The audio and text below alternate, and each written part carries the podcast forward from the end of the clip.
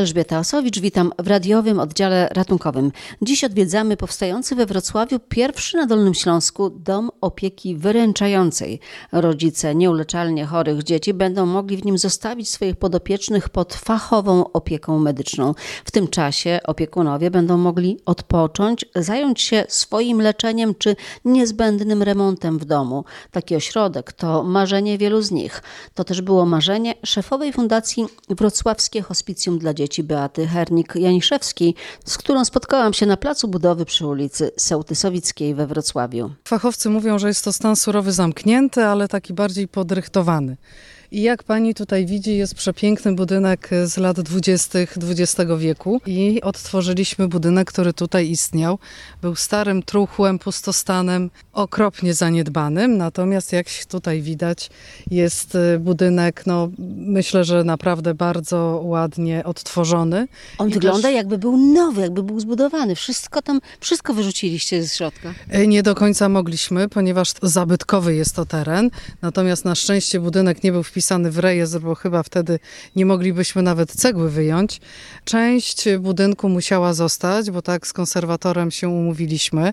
Natomiast e, no, uważam, że to nie jest korzystne rozwiązanie, ponieważ mury, które są stare, zawilgocone, one nawet jakby nie wiadomo co robić, niestety będą raczej in minus niż in plus, ponieważ ta wilgoć no już zaczyna być czuć.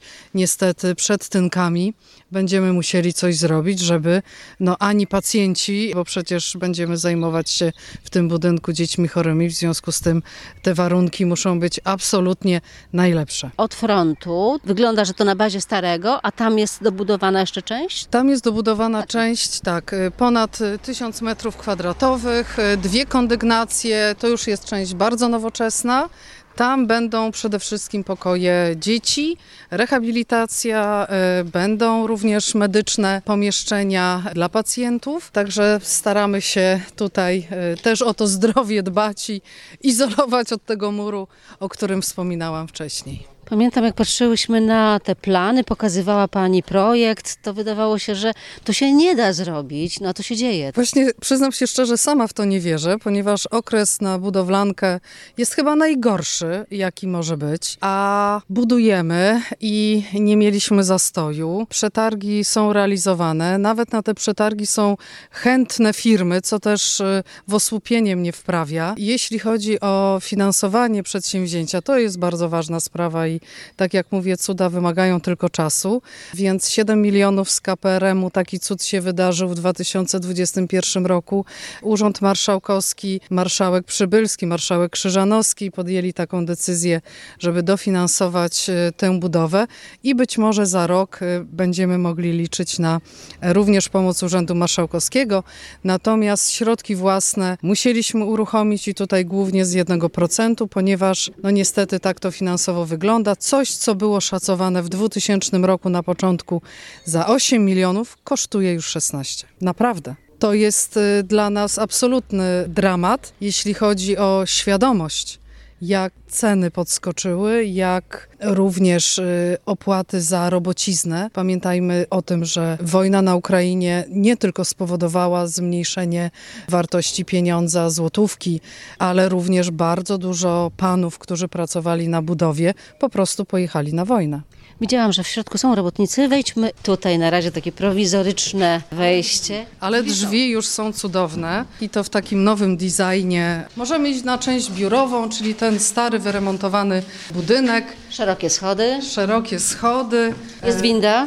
Będzie winda specjalistyczna, ponieważ też musimy realizować, no przede wszystkim budynek jest dostosowany dla naszych pacjentów, czyli dzieci, które są nieuleczalnie chore, niepełnosprawne, ale też musimy pamiętać o tym, że ustawa dostępnościowa, która obowiązuje już w Polsce, musi być realizowana, więc każda przestrzeń musi być dostosowana do osób niepełnosprawnych. Tutaj taras, tak? Będzie piękny taras, mam nadzieję, na letnie kawy. Tu będzie sala taka szkoleniowa. Duża sala szkoleniowa, bo zawsze nam takiej brakowało. Również na spotkania z wolontariuszami, których obecnie mamy 60. No już nie mieszczą się w tej sali. Tutaj szyb windowy, więc bardzo duża winda i przystosowana do osób z niepełnosprawnościami, które mogą samodzielnie ją obsługiwać. I również na duże łóżka, bo oczywiście pacjenci mogą być niechodzący, leżący. A tutaj ta duża sala? Tu mamy e, ogromną przestrzeń e, z kolumnami. Tutaj niebawem ścianki działowe powstaną. No i oczywiście tu, jak pani widzi, kable wiszą, więc elektryka już prawie jest gotowa. I będą pomieszczenia na tym piętrze i dokładnie na górze będzie taki sam układ, czyli sześć sal. Na dole sześć sal na górze i również będą, jak dalej przejdziemy, sale takie pojedyncze. I tutaj już będą ci pacjenci. I każdy pokój ma wyjście na tutaj mini taras, natomiast y, z drugiej strony na ogród. Wydaje się, że to jest optymalne rozwiązanie, bo da autonomię, nikt od nikogo nie będzie zależny. Pomieszczenia są tylko dwuosobowe z łazienkami i z możliwością wyjścia na zewnątrz. Nie trzeba po żadnych korytarzach będzie biegać. Popatrzmy jeszcze na ten ogród przez okno, Chyba nie możemy otworzyć, tak? Ale widać. zabezpieczamy budowę, też jest monitoring. I tu jest wasz teren. Tutaj. Tu jest nasz teren, zachowaliśmy piękne dwa ogromne orzechy włoskie, które dadzą cień, no i też trzeba szanować zieleń. Wiadomo, po drugiej stronie wybudował się sąsiad, no i bardzo życzliwa okolica. Też jestem wielce zbudowana, ponieważ e, sąsiedzi okoliczni nawet gratulowali nam no, takiego przedsięwzięcia i działania na rzecz dzieci, dla których medycyna pomysłu już nie ma. Właśnie, jaka jest idea tego domu? Idea jest e, otóż taka, trochę przewrotnie, ponieważ dom tak naprawdę jest domem wyręczeniowym. Wyręczamy rodziców, więc on jest bezpośrednio dedykowany rodzicom, opiekunom, żeby mieli szansę na tak zwany przysłowiowy oddech. Ponieważ realizujemy już od kilku lat opiekę wytchnieniową na Dolnym Śląsku dla dzieci e, i nieskromnie powiem, byliśmy takim prekursorem pierwszego projektu unijnego, z tym, że realizowaliśmy te zadania w domu pacjenta, czyli przyjeżdżała opiekunka, a rodzic, opiekun mógł wyjść.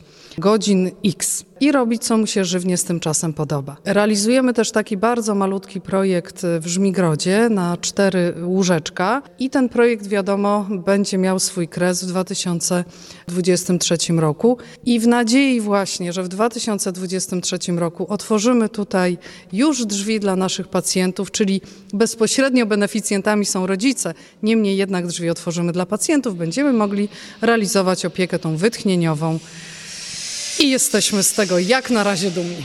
Pracują, słychać, że pracują. Tak, tak, tutaj praca wre i bardzo się z tego cieszymy, że takie odgłosy są. Czyli za rok będzie gotowe? Daj Boże, jeśli wszystko pójdzie zgodnie z planem, taki właśnie mamy cel. Ile osób tutaj znajdzie pomoc? Minimum y, 12 łóżek będzie, plus ewentualnie jeszcze inne pokoje mogą być zagospodarowane, czyli maksymalnie 16 w takim super komforcie. Wszyscy przeniesiecie się tutaj? Cała fundacja tu się przeniesie? Nie wiem jeszcze, czy się zmieścimy, ponieważ no niestety tak to w życiu bywa, że plany są jakby rozpoczęte w danym czasookresie, a realizowane znacznie później.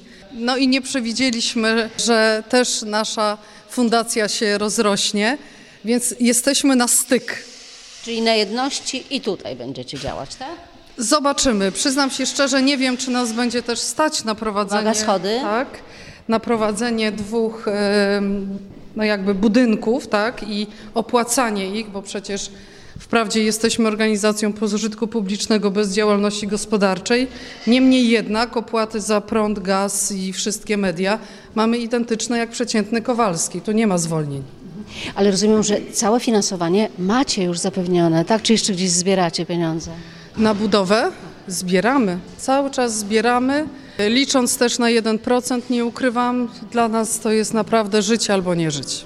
Muzyka gra, czyli wszystko gra. Na budowie powinna grać muzyka, tak? Tak, żeby chciało się pracować.